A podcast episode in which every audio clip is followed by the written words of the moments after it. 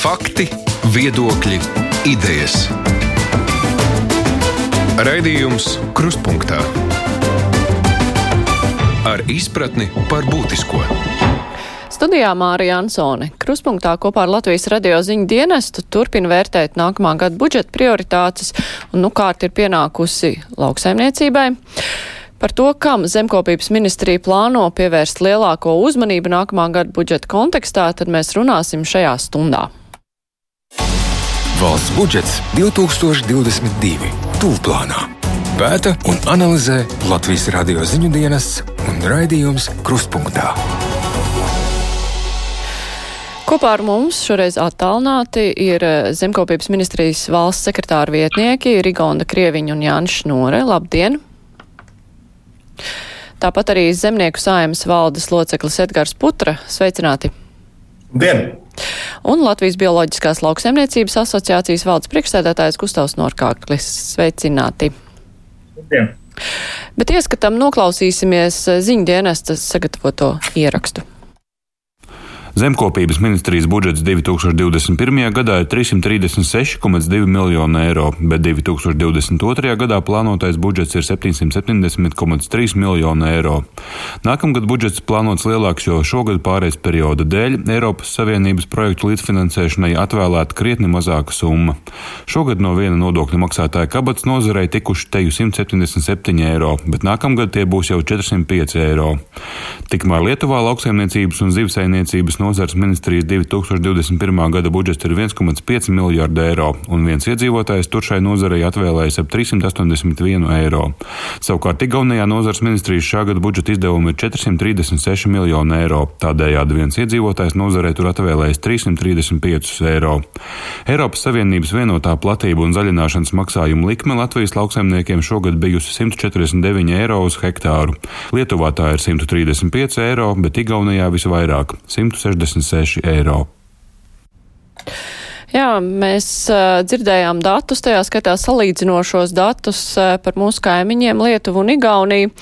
Bet, ja mēs skatāmies uh, lauksaimniecībā un vispār cenās, kādas uh, ir uh, pēc produktu saražošanas, nu, tur visvairāk var uh, izjust to, kādi nosacījumi, kāds atbalsts ir lauksaimniekiem. Tas veido lielā mērā uh, šīs te preces, šī darba rezultāta izmaksas.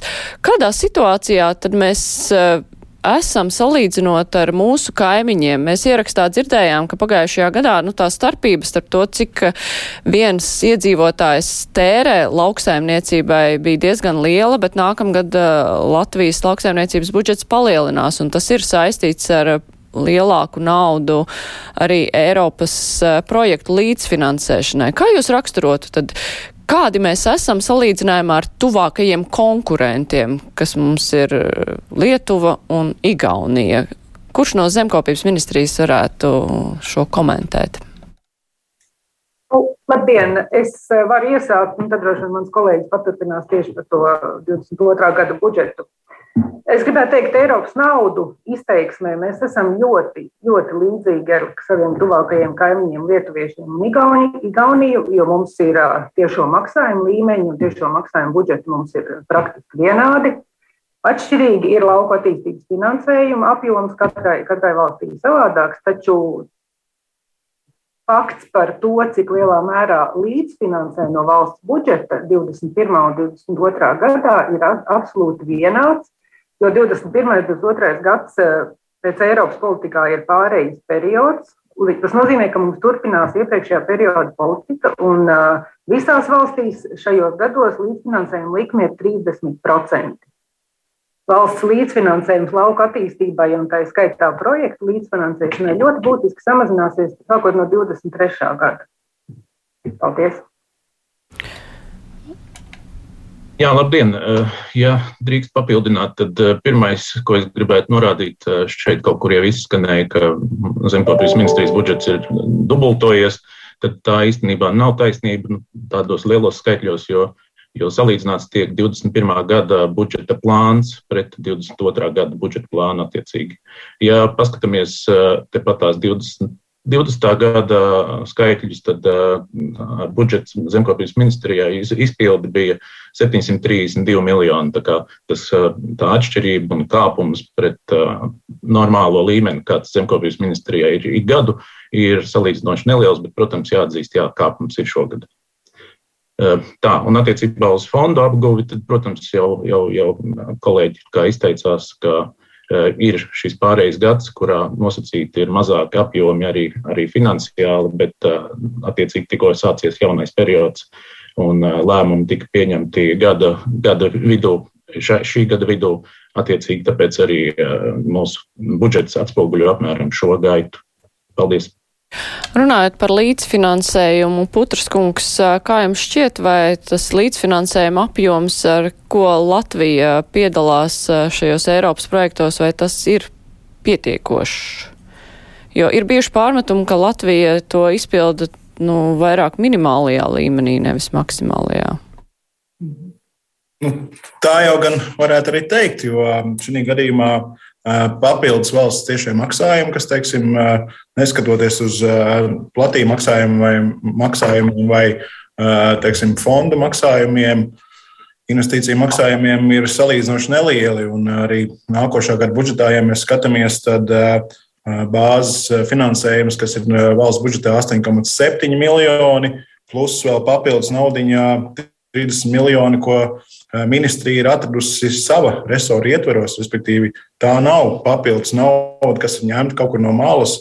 Līdz ar to tas, tas ietvers ir diezgan nu, salīdzinoši neliels. Teikšu, kā ir 30%, protams, mēs izpildām platību maksājumu sadaļā un investīciju sadaļā, bet pārējās, teiksim, valstis, kā skatāmies kaut vai Skandināviju, Vāciju vai citas valsts. Vācijā, teiksim, tagad krīzes laikā ir papildus finansējums investīcijām viens miljards eh, gadā. Teiksim. Labi, protams, ka cita platība, cita nācija, bet, bet salīdzinoši tas finansējums ir mazs. Norkārkļkungs, kā jums šķiet, vai Latvijai vajadzētu vairāk ieguldīties līdzfinansējumā Eiropas? Jā, es domāju, ka mēs esam arī esam norādījuši to, ka līdzfinansējuma sadaļā Latvija izpilda to minimālās prasības, ko Eiropas komisija nosaka. Turklāt jāsaka, ka arī mm, no valsts budžeta finansētās programmas ir vairākas pārliktas uz lauka attīstības programmu no Eiropas finansējuma, tādējādi atslogojot valsts budžetu, kas ir kredītprocentu dzēšana, gan arī liekas, apdrošināšana, gan arī pārtiks kvalitātes schēmas atbalsts. Viss ir salikts lauka attīstībā un Eiropas. Respektīvi, valdība valsts no, no saviem kā, izdevumiem, ko vajadzētu finansēt, pārliek visu Eiropas finansējumu. Turklāt, skatoties uz 22. gadu, droši vien, ka līdzfinansējumu tur īpaši nekādas izmaiņas ne. Mēs vairāk skatāmies, ka līdzfinansējumu krietni lielākam jābūt būt sākot no 23. gada, kad sākās jaunais, jaunais periods, jaunā, jaunais finansējums un jaunās programmas, kur, kur finansējums ir krietni samazināts līdzfinansējums, tas procentuālais. Tā kā tas būtu aicinājums šo finansējumu palielināt. Jā, Krieviņas kundze. Jā, ja drīkst, es papildināšu iepriekšējos runātājus noslēdzot šo. Šobrīd, vēl 21. un 22. gadā, Eiropā visās valstīs ir tie 30% minimālais. Savukārt, jaunajā periodā no 23. līdz 27. visām valstīm minimālais procents ir tikai 15. Taču nav aizliegts dalību valstīm piemaksāt neierobežotu naudas apjomu. Līdz ar to Latvijā, dēļ tam, ka samazinās tas procents no 30 līdz 15, un dēļ tam, ka eh, daudzgadu budžeta sarunās Latvijas lauku attīstības fonds tika samazināts par 121 miljonu, mums neiedeva 120 miljonus.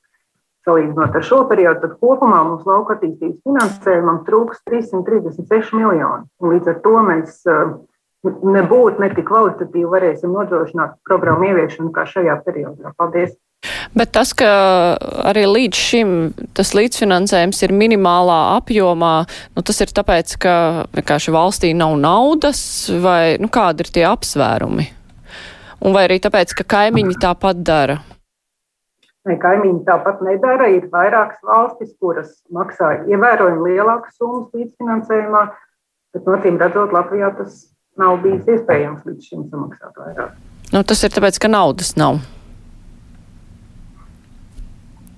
Tas ir daļai tāpēc, ka naudas nav. Jā, protams, kad, ja mēs paskatāmies uz lauksaimniecības nozari, protams, kad varbūt arī daudz pārmetu, kad ir, ir lielākas, lielākas saimniecības, mazākas saimniecības.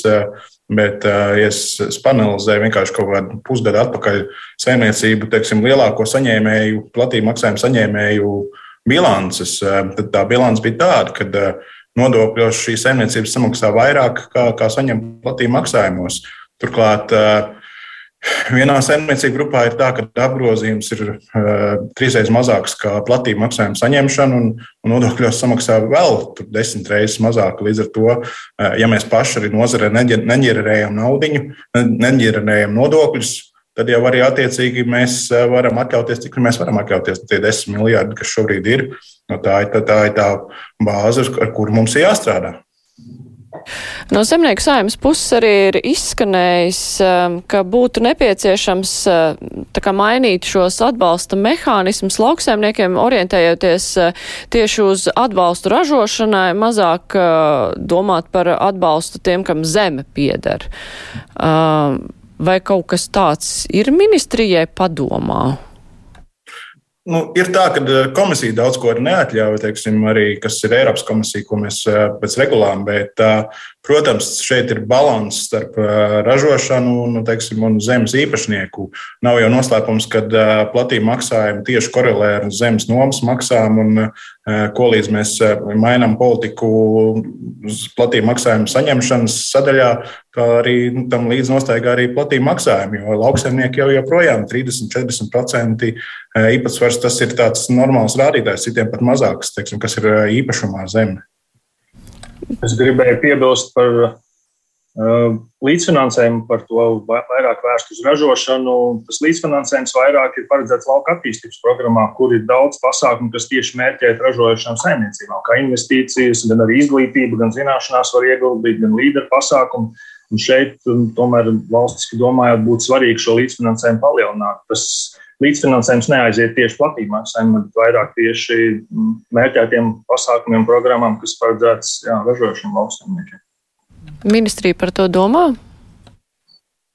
Es varētu teikt, ministrija par to domā, bet tas ir visas valdības un visas saimnes un visas valsts kopā. Es nevarētu pārmest ministrijai. Ministrija šajā ziņā mums ir droši vien vienots skatījums, bet tas ir kopā Šeit būtu labprāt arī finanšu ministriju redzēt kādu pārstāvu, kas varētu šo komentēt. Um, kā, uh, šis ir kopējais uh, skatījums ministrijai. Cik mums ir bijušas sarunas par šo lietu, ministrija ir, ir viensprāts esam par šo mm. lietu. Varbūt, uh, varbūt vadītāji bija jautājums par to, vai ministrija domā atbildot uz zemnieku saimnes to norādi, ka vajadzētu vairāk atbalstīt. Jā, tieši tā, kāda ir ministrijas plāni saistībā ar to?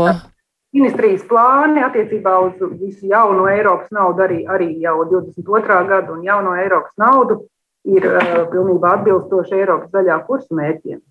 Tie ir tie mērķi, balstoties uz kuriem mums ir jāveido Latvijas lauksaimniecības politika ar Eiropas naudu. Un otrs ir arī Eiropas Savienība dodot visām dalību valstīm gan finansējumu, gan brīvību rakstīt savus strateģiskos plānus, jeb savu politiku veidot Latvijā ir noteikusi trīs lielos mērķus - ekonomisko, vidas, klimata mērķi un sociālo. Un tad šiem trim mērķiem ir apakšā katra vēl deviņi specifiskie mērķi. Un mēs šobrīd jauno politiku veidojam balstoties uz šiem mērķiem. Un no sava, sava nākamā piecu gadu finansējuma mēs 50% esam paredzējuši tieši vidas klimata pasākumu vai mērķu sasniegšanai vai vidas klimata pasākumiem visiem lauksaimniekiem visiem lauksaimniekiem, gan konvencionāliem, gan bioloģiskiem un ražojošiem lauksaimniekiem, lai viņi varētu ar savu saimniekošanas metodi, ar savu, strādājot savu ikdienas darbu, pildīt un sasniegt zaļā kursa mērķus. Kā piemēram, samazināt, samazināt eh, mēslojumu, samazināt eh, pesticīdus, palielināt valstī. Mums ir jau noteikts mērķis, cik ir jāpalielina bioloģiskās lauksaimniecības platības. Tāds, tāds ir mūsu uzstādījums, un tā mēs veidojam jauno politiku. Protams, visi šie maksājumi būs ražojošajiem lauksaimniekiem. Jā, papildinot Rigondu, es gribu teikt, jā, šie maksājumi teiksim, ir paredzēti šim zaļam kursam, bet mums jāatcerās tas, ka joprojām mēs būsim lejas galā platību maksājumu saņemšanas ziņā, un arī attīstības nauda mums samazinās. Tas nozīmē, ka kurs ir jāievieš, bet naudas apjoms samazinās. Tas nozīmē, ka būtu vitāli svarīgi arī no valdības puses, no ministrijas puses rast papildus finansējumu tieši šī zaļā kursa ieviešanai. Un arī zinātnīs gadījumā nākošais gads ir paredzēts 3 miljoni. Nu, tie, tas ir salīdzinoši mazs finansējums, zinot to, ka, kādas saistības ir uzliektas šis zaļais kurs. Tāpēc arī zinātnē droši vien būtu nepieciešams lielāks naudas apjoms, lai mēs zinātniski pamatot varētu pāriet uz šo zaļo kursu. Bet Putraškungs jau minēja, ka naudas apjoms samazināsies, kamēr mums ir uh, nu, tie pasākumi zaļā kursa ieviešanai, nu, tas ir naudietilpīgi ļoti, jo tas jau prasa ļoti fundamentāls pārmaiņas. Kā tad tas tiks risināts? Jā, nu, tas, tur teiksim, ir sadarbība vairākām ministrijām. Es gribu pastāstīt piemēru par emisijām. Teiksim, mēs lauksainicībā, protams, strādājot uz lauku, radām arī emisijas.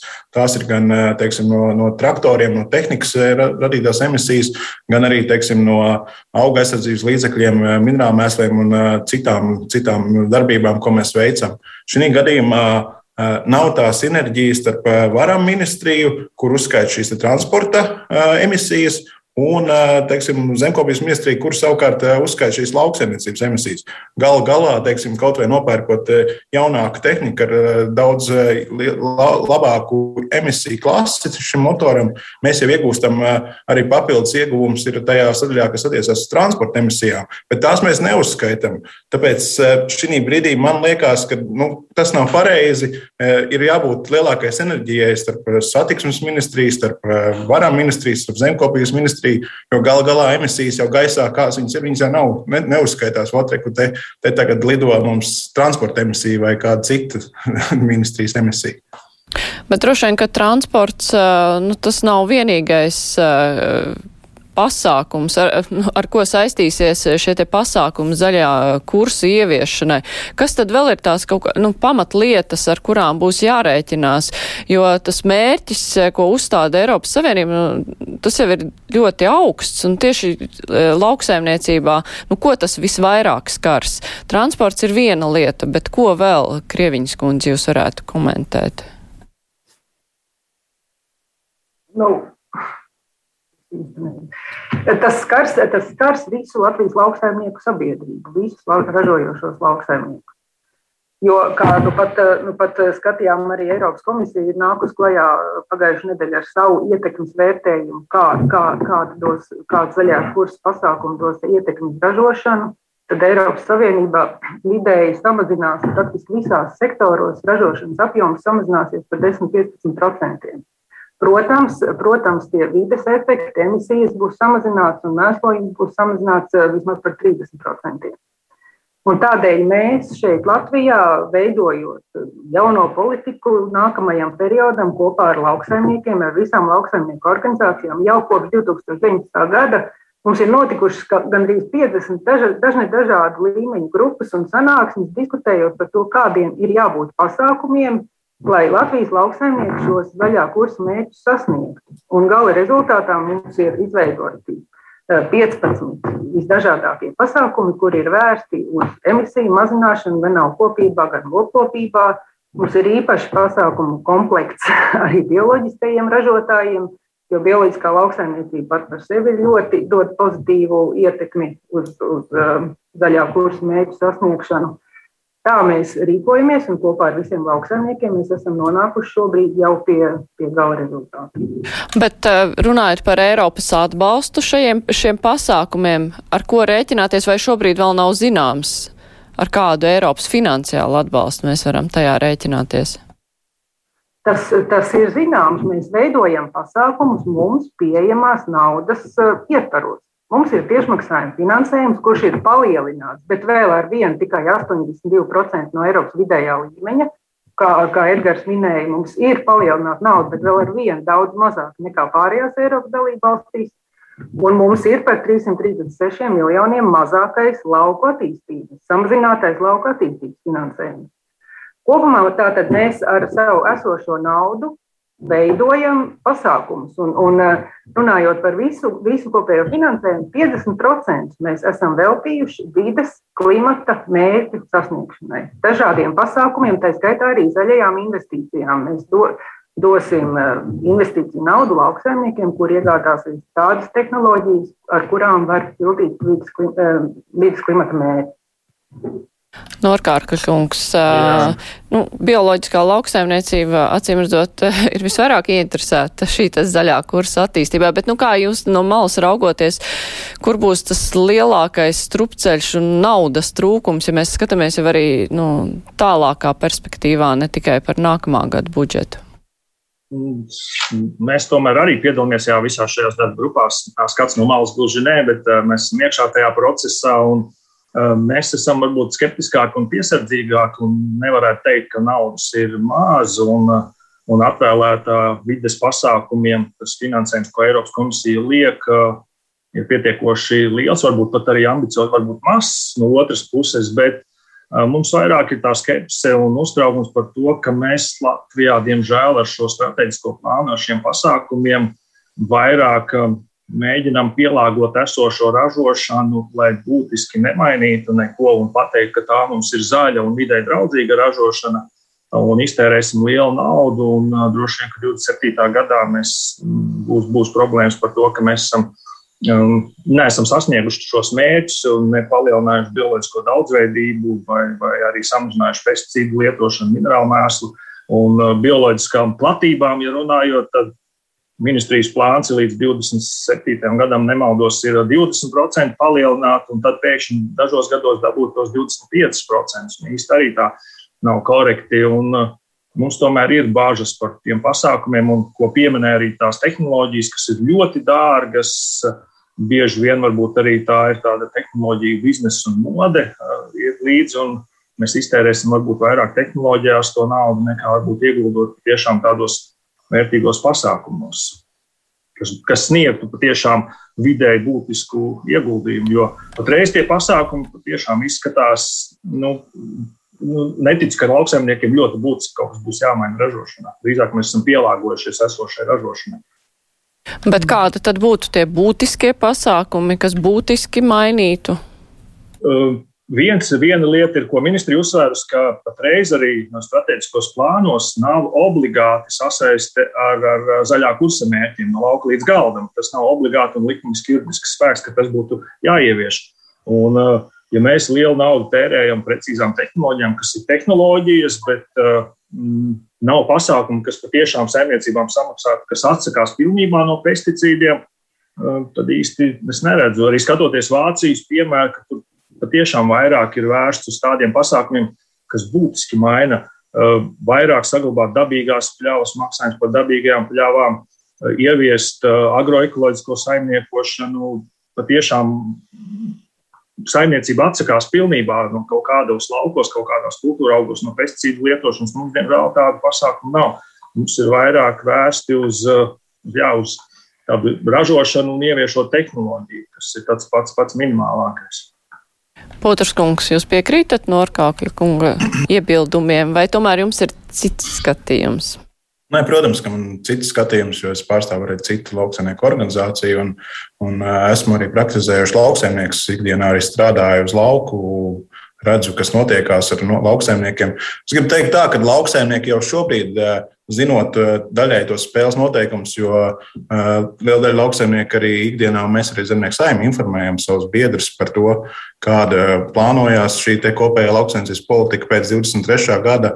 Uh, liela daļa lauksaimnieku jau šobrīd jau ir gatavi tam. Un, un ievieš gan bezaršanu, strādā pie tā, lai samazinātu auga aizsardzības līdzekļu ietekmi uz lauksaimniecību, strādā pie mēslojuma samazināšanas, jo šī brīdī arī tas, tas pats tie paši mēslojums, viņš ir kļuvis ļoti dārgs. Viņš ir palicis ar visu šo energo krīzi.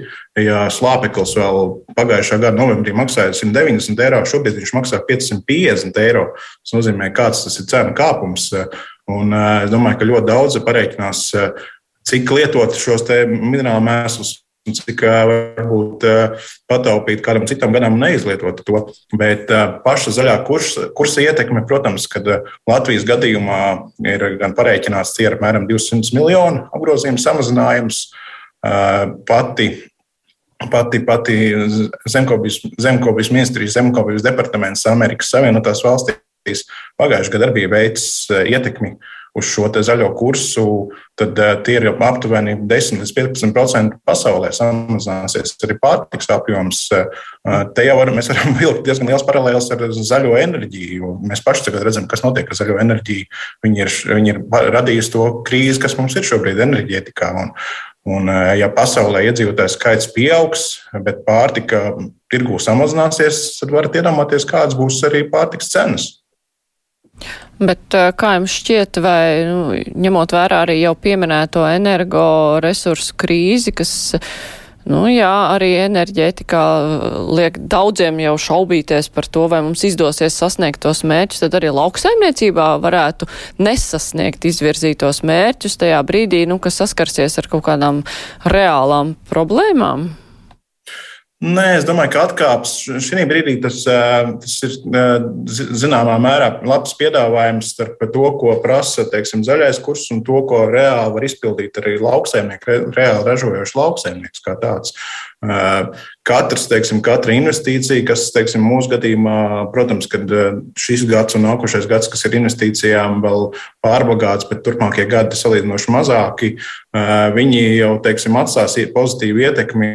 Katrs, teiksim, tas pats minerālu mēslu klierētājs, viņš jau katru, ar katru jaunāko tehnoloģiju, iegūms ir pa 5, pa 7 procentiem.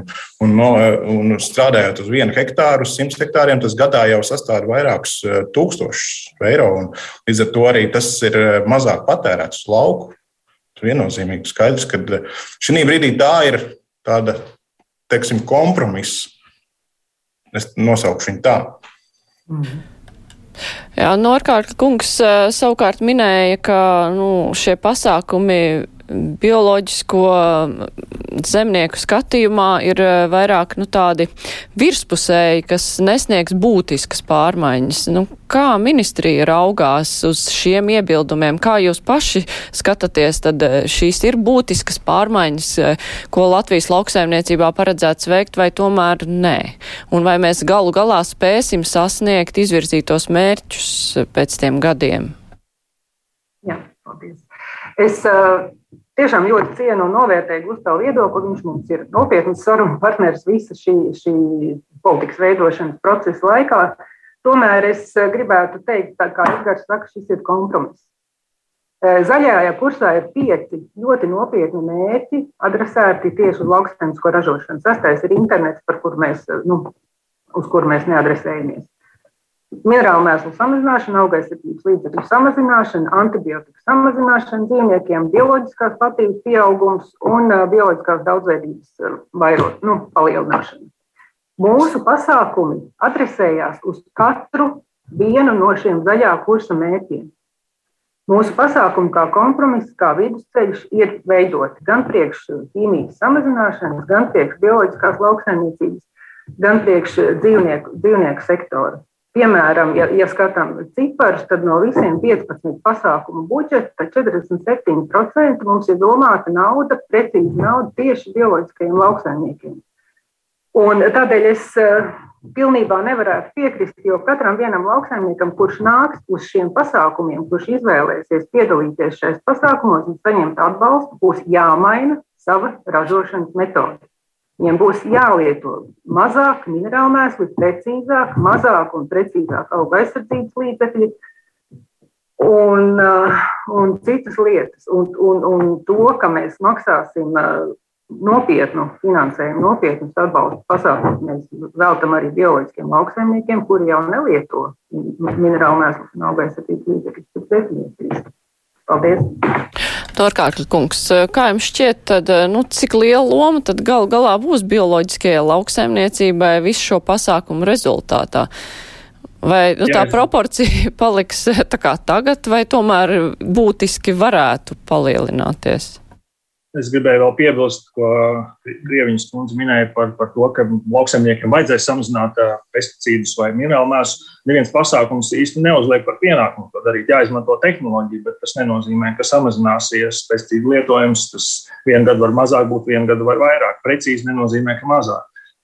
Bet, ja runā par bioloģisko lauksaimniecību, tad Jā, tas plāns ir palielināt līdz 20% šīs platības, bet finansējums uh, paliek esošajā līmenī, pat atsevišķās varbūt uh, saimniecību grupās vai ražošanas veidos, vai izvēlēties kādus kultūra augus, tad tas finansējums samazinās. Un, ja ņemot vērā to, ka politiski Latvijā par to runā, ka bioloģiskā lauksaimniecība ir svarīga un arī zaļā kursā mērķis ir bioloģisko lauksaimniecību vairāk un tas devums, arī, ko Zemkopības ministrija ir izstrādājusi šo mērķu sasniegšanai, kādus procentus iegūst, visās pozīcijās tad bioloģiskā lauksaimniecība dod vislielāko devumu. Un tas nozīmē, ka konvencionālai saimniecībai tos, šajos mērķos nevajadzēs tik liels ieguldījums veikt. Un Eh, mēs ja vairāk eh, aicinātu un eh, popularizētu un dotu finansējumu, motivētu konvencionālām saimniecībām pāriet uz bioloģisko ražošanas veidu.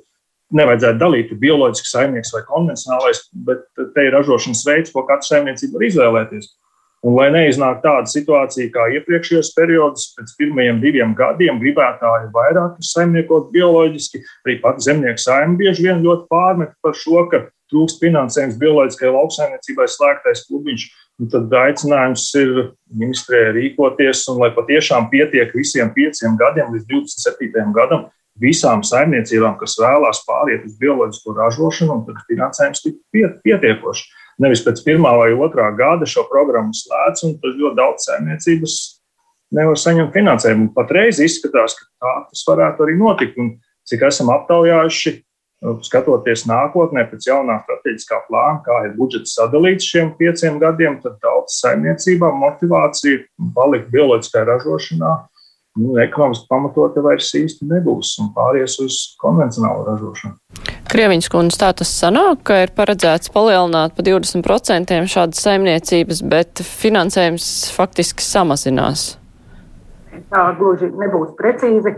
Mēs esam 20% eh, no lauksaimniecības platības, ir 350 tūkstoši hektāri. Tas ir mūsu mērķis 2027. gadā, un viss mūsu finansējums kopā ir rēķināts uz šo 27. gada platību 350 tūkstošiem hektāru.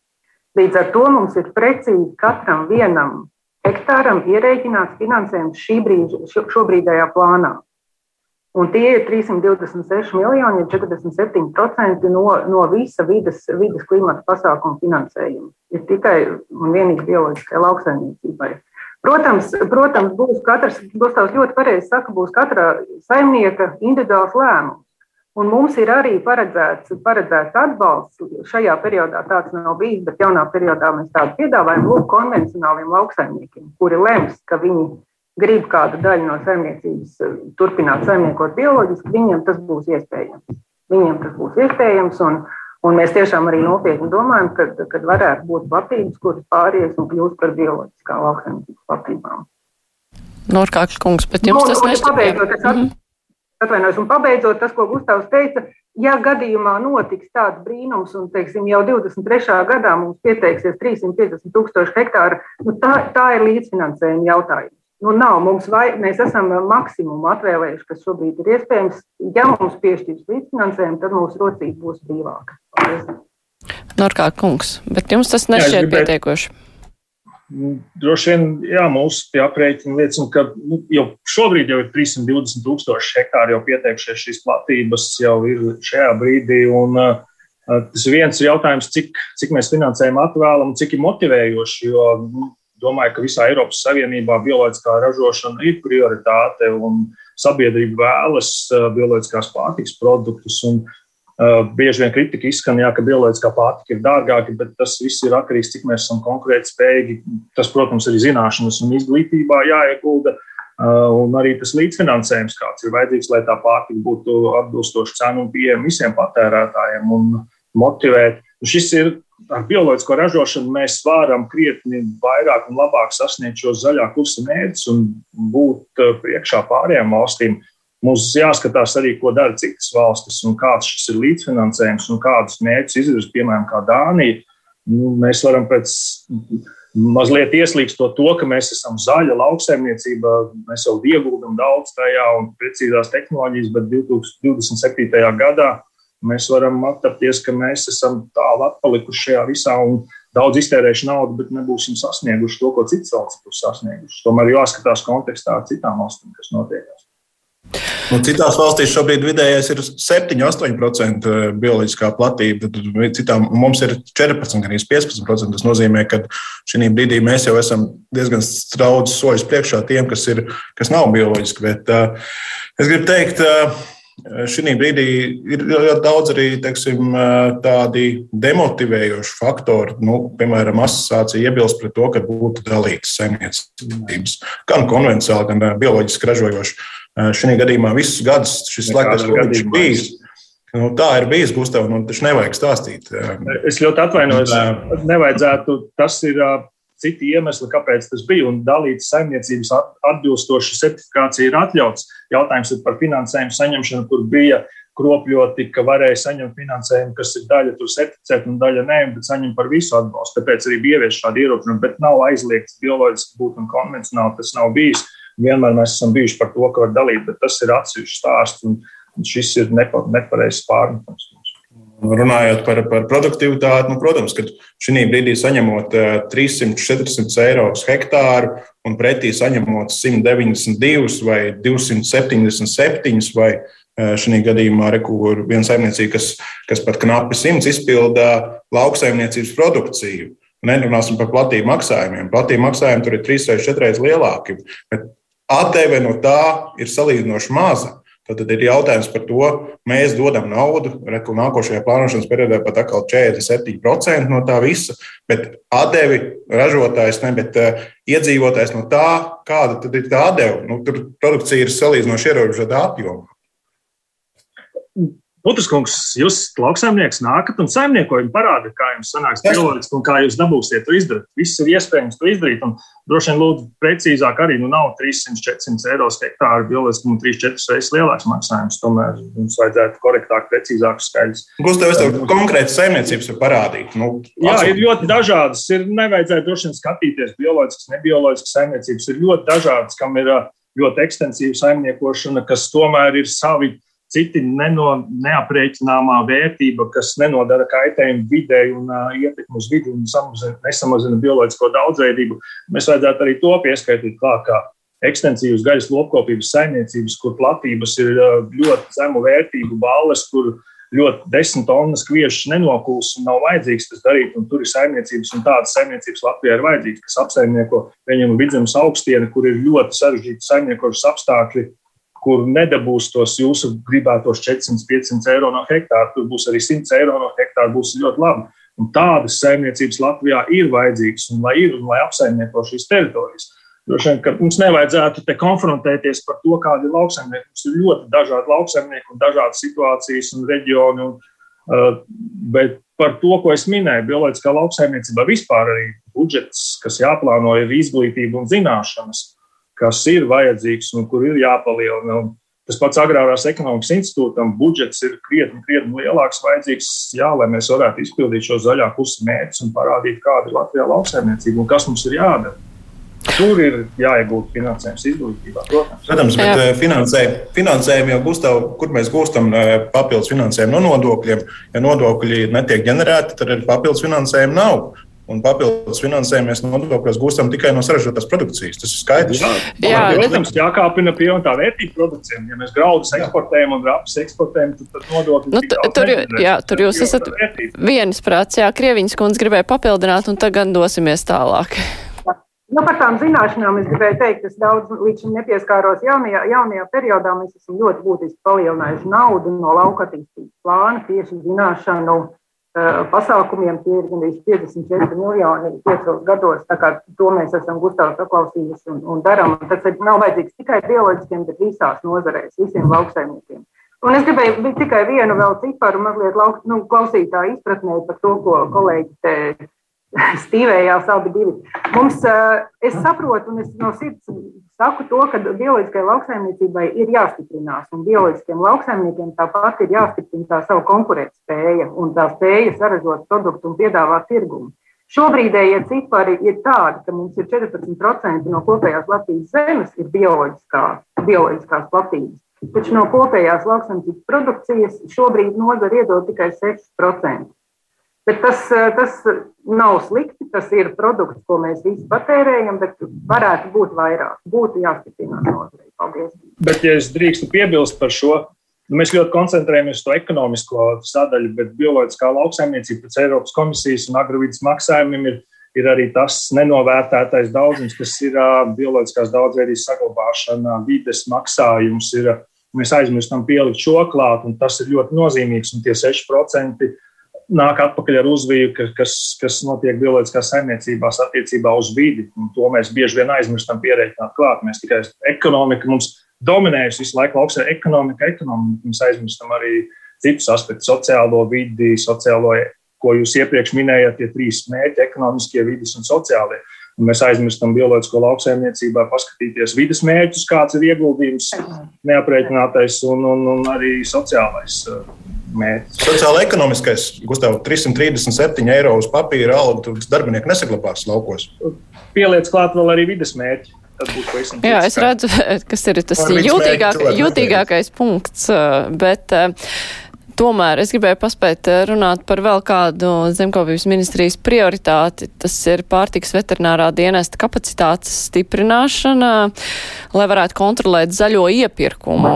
Tas ir eh, nu, saistīts ar eh, prasību ievērot noteiktas videi draudzīgus principus pārtikas iepirkumos, un šajā gadījumā nu, ieguvējiem vajadzētu būt vietējiem ražotājiem, jo viens no būt, viena no būtiskām komponentēm tomēr ir transportēšana, kas arī atstāja ietekmu uz vidi. Ko tieši ministrija cer panākt ar šo pasākumu, kādu uzlabojumu, kurš to var komentēt? Jā, nu, ja drīkst dažos vārdos, tad zaļais publiskais iepirkums ir jau ilgu laiku bijis ļoti, ļoti uzmanības centrā. Un, un šis gads, 22. Eh, gads, ir pirmā reize, kad līdzekļi tam ir atvēlēti vismaz 218 tūkstoši apmērā. Un eh, galvenais mērķis, protams, ir izskaust eh, negodprātīgos produktu piegādātājus, kuri vēlās kaut kā apiet šos nosacījumus. Kā, nu, tur noteikti ir, ir, ir iemesls, lai šai, šai, šai jomai pievērst uzmanību pastiprināti. Bet pēc jūsu aplēsēm, cik daudz ir tādi negodprātīgie, nu, cik daudz, teiksim, kaut kādi, uh, nu, jā, varbūt mūsu vietējie ražotāji tiek apieti šādu negodprātīgu iepirkumu, iepircēju dēļ? Nu, droši vien labāk to varētu pateikt pārtiks veterinārā dienas darbinieki, bet uh, um, šādu kontroli ieviešot, jau arī mēs uzzināsim reālo situāciju, ja, ja, ja tā reāli skatās. Putrsungs, kādas ir jūsu aplēses, ko ar to var panākt? Kādi ir jūsu vērojumi? Uh, vai vietējie tiek apieti Nē, nu, ja, ja skaidrs ir viens, ka kontrolējošās iestādes ir jāstiprina. Tas ir attiecās gan uz valsts auga aizsardzības dienestu, gan uz pārtiks veterināro dienestu. Vēl nesen mēs visi lasījām presē par divu nu, ļoti labi pazīstamu tēju, pasaules, pasaules brendu tēju, izņemšanu no tirgus dēļ tā, ka pārsniegts ir konkrēti atliekvielu daudzums. Un šī gadījumā arī nu, mūsu, mūsu, ja mēs skatāmies uz mūsu ražotājiem, tad mēs esam tajā topā augšgalā, kur šīs atliekvielas tiek konstatētas vismazāk. Bet, attiecīgi, izējot pēc tam, kad taisa kaut kādas papildus pētījumus par to, ko mēs atrodam mūsu iedzīvotājiem, at, teiksim, vēdā, tad attiecīgi tur jau parādās arī pavisam cita bilde. Tāpēc, eh, lai nekristu ēnu uz mūsu pašu ražotājiem, būtu svarīgi arī šis ārvalstu eh, teiksim, ievestā produkcija, tie paši Lidl banāni, kas tikko bija. Nu, tas, tas cena bija vienkārši abnormāla. Jautājums, kā viņi ir izaudzēti un kas tur beigās no viņiem ir. Tas ir skaidrs. Un droši vien, ka vairāk Latvijas lauksaimnieks uztrauc nevis Lidl banāni, bet uh, teiksim, nu, kādu poļu, poļu dārzeņu vai kā, Norkārkungs, kā jūs redzat, vai ir nepieciešams, nu, kaut kā būtiski pastiprināt kontroli, kā notiek šie zaļie iepirkumi, vai, nu, tur kaut kas būtiski varētu mainīties pēc tam? Droši vien, ka šobrīd jā, vajadzētu pastiprināt, jo, cik, ja nemaldos, tad lielākā daļā, kas ir iepriekš bijušas kontrols, tad tie pārkopumi tiek konstatēti un nepiegādā to, to produktu, kas ir noslēgts līgumā. Tā situācija diezgan kritiska ir. Finansējums noteikti ir vajadzīgs, bet lielāks, lai tās kontrolas būtu. Bet tā sistēma, manuprāt, nav pareiza. Mēs esam vairāk kārt norādījuši, ja publiskais iepirkums, un tad ir kāda pašvaldības saimnieks vai arī kāda iestāde, kas veic šo publisko iepirkumu. Un tad, ja tam saimniekam, kas ir izvēlējies kādu piegādātāju, atved ne to preci, kādu viņam ir atraduši, tad jautājums, vai viņi paši to nevar izkontrolēt, tad kāda ir atbildība pašiem, pašiem iepirkējiem, tai pašai pašvaldībai, kas, kas veic šo iepirkumu. Man, manuprāt, tas ir akmens varbūt pašvaldību pusē, kas veic šos iepirkumus un uzrauga, kādu skolām produkciju atved, teiksim, bērniem. Tas ir īstenībā tur nebūtu, varbūt, saku, sistēma jāmaina, nebūtu PVD, tas jādara, bet pašvaldībai pašai, pašiem iedzīvotājiem, skolēniem, vecākiem, kas, kas notiek, kādu produkciju ved šajās skolās. Ja nemaldos, saku, jā, vairāk kā puse ir pārkāpumu šajā lielākā daļā iepirkumos un pievērst produkciju. Tas, tas ir nu, kopumā skatoties vispār par šo zaļo publisko iepirkumu, par to, kāda produkcija tiek vesta skolām. Ja skatāmies skolām iepirkumos, tad Mēs milzīgi naudu tērējam lauksaimniecībai, tehnoloģijām. Mēs nevaram tikt galā ar to, ka mums skolās patiešām ļoti augstas kvalitātes un labu pārtiku būtu skolēniem, mūsu bērniem. Un, un tā ir viena liela lieta, kas būtu jāatrisina. Ja vēl joprojām ir eiro 42 par, par vienu porciju, tad man liekas, kas nav mainījies entos gadus, par ko mēs varam runāt. Mēs stiprinām tādu kontroli, tur pātagas liksim, bet mums īstenībā kardināli jāmaina tā sistēma, kā kāda produkcija, kas, kas tiek pirkts un kas tiek vests skolā. Bet eh, vai tas ir zemkopības ministrijas pārziņā šī sistēma, kas tiek vests skolēm? Droši vien nē, tur ir vajadzīga kaut kāda ministrijas savstarpējā sadarbība, bet par to tiek runāts, domāts. Krieviņas kundze droši vien var atbildēt.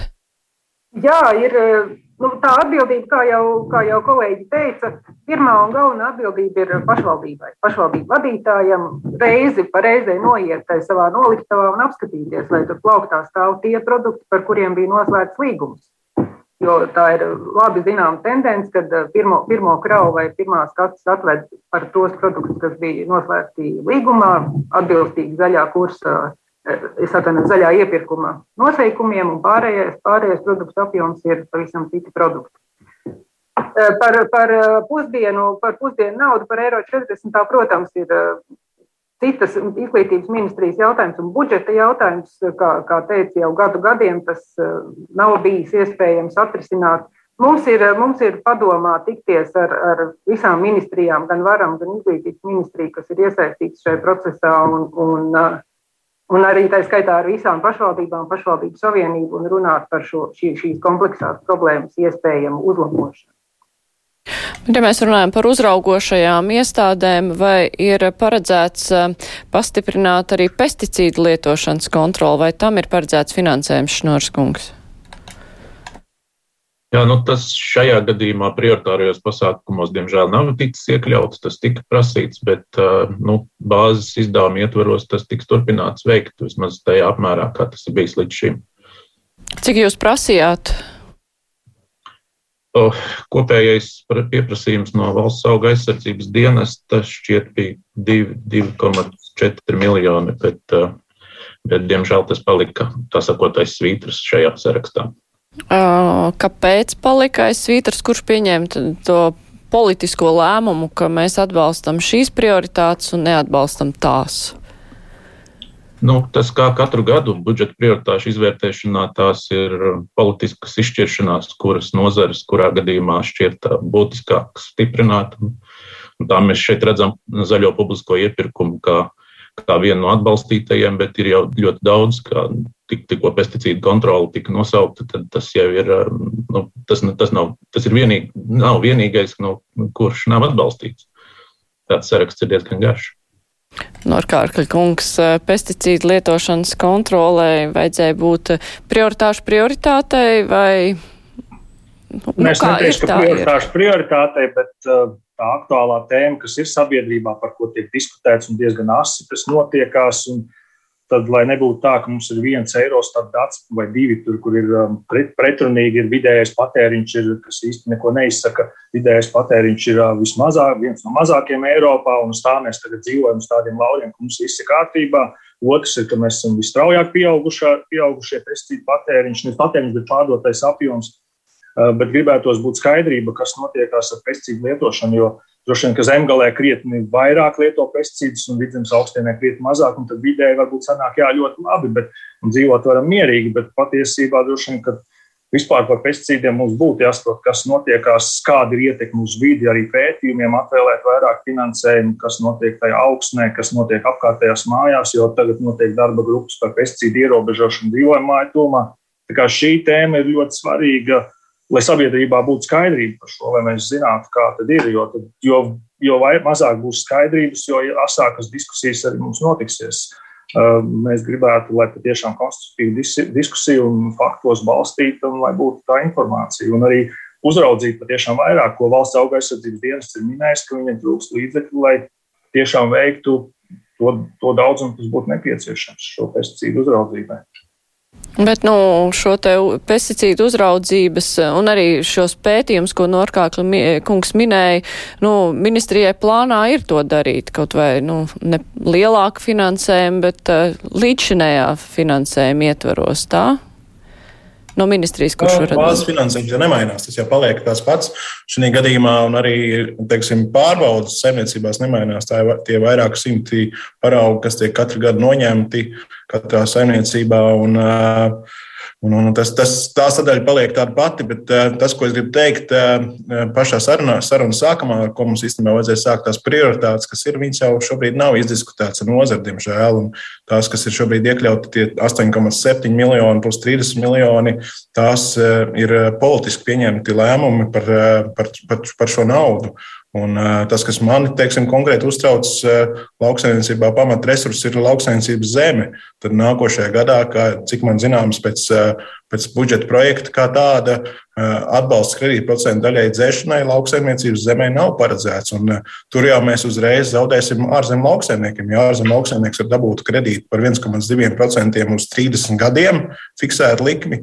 Eh, bet mūsu vietējais lauksaimnieks aizdevumu var saņemt eh, ar 4%, 3-4%. Tur jau uzreiz ir eh, redzams, ka tas ir nevienlīdzīgi konkurence pie, arī pie dažādiem platīm maksājumiem. Tāpēc šī prioritāte ir Es nezinu, kāpēc ir paslīdējis garām, bet eh, nu, pašai Nacionālajā apvienībā es domāju, ka zeme Latvijas lauksaimniekam tā ir prioritāri svarīgākais pasākums. Jā, no acīm redzot, eh, ministrijas diskusijām ar nozars organizācijām vajadzētu vēl būt, eh, un droši vien, ka kaut ko arī tās var ietekmēt un mainīt. Bet es teikšu paldies mūsu šīsdienas sarunas dalībniekiem Rigondai Krieviņai un Jānim Šnorem no Zemkopības ministrijas, Edgaram Putram no Zemnieku saimas un Gustavam Norkārtlim no Latvijas Bioloģiskās lauksaimniecības asociācijas. Paldies, ka varējāt būt kopā ar mums šai stundā. Bet kruspunktā izskan producente Vijunām studijā Marija Ansone.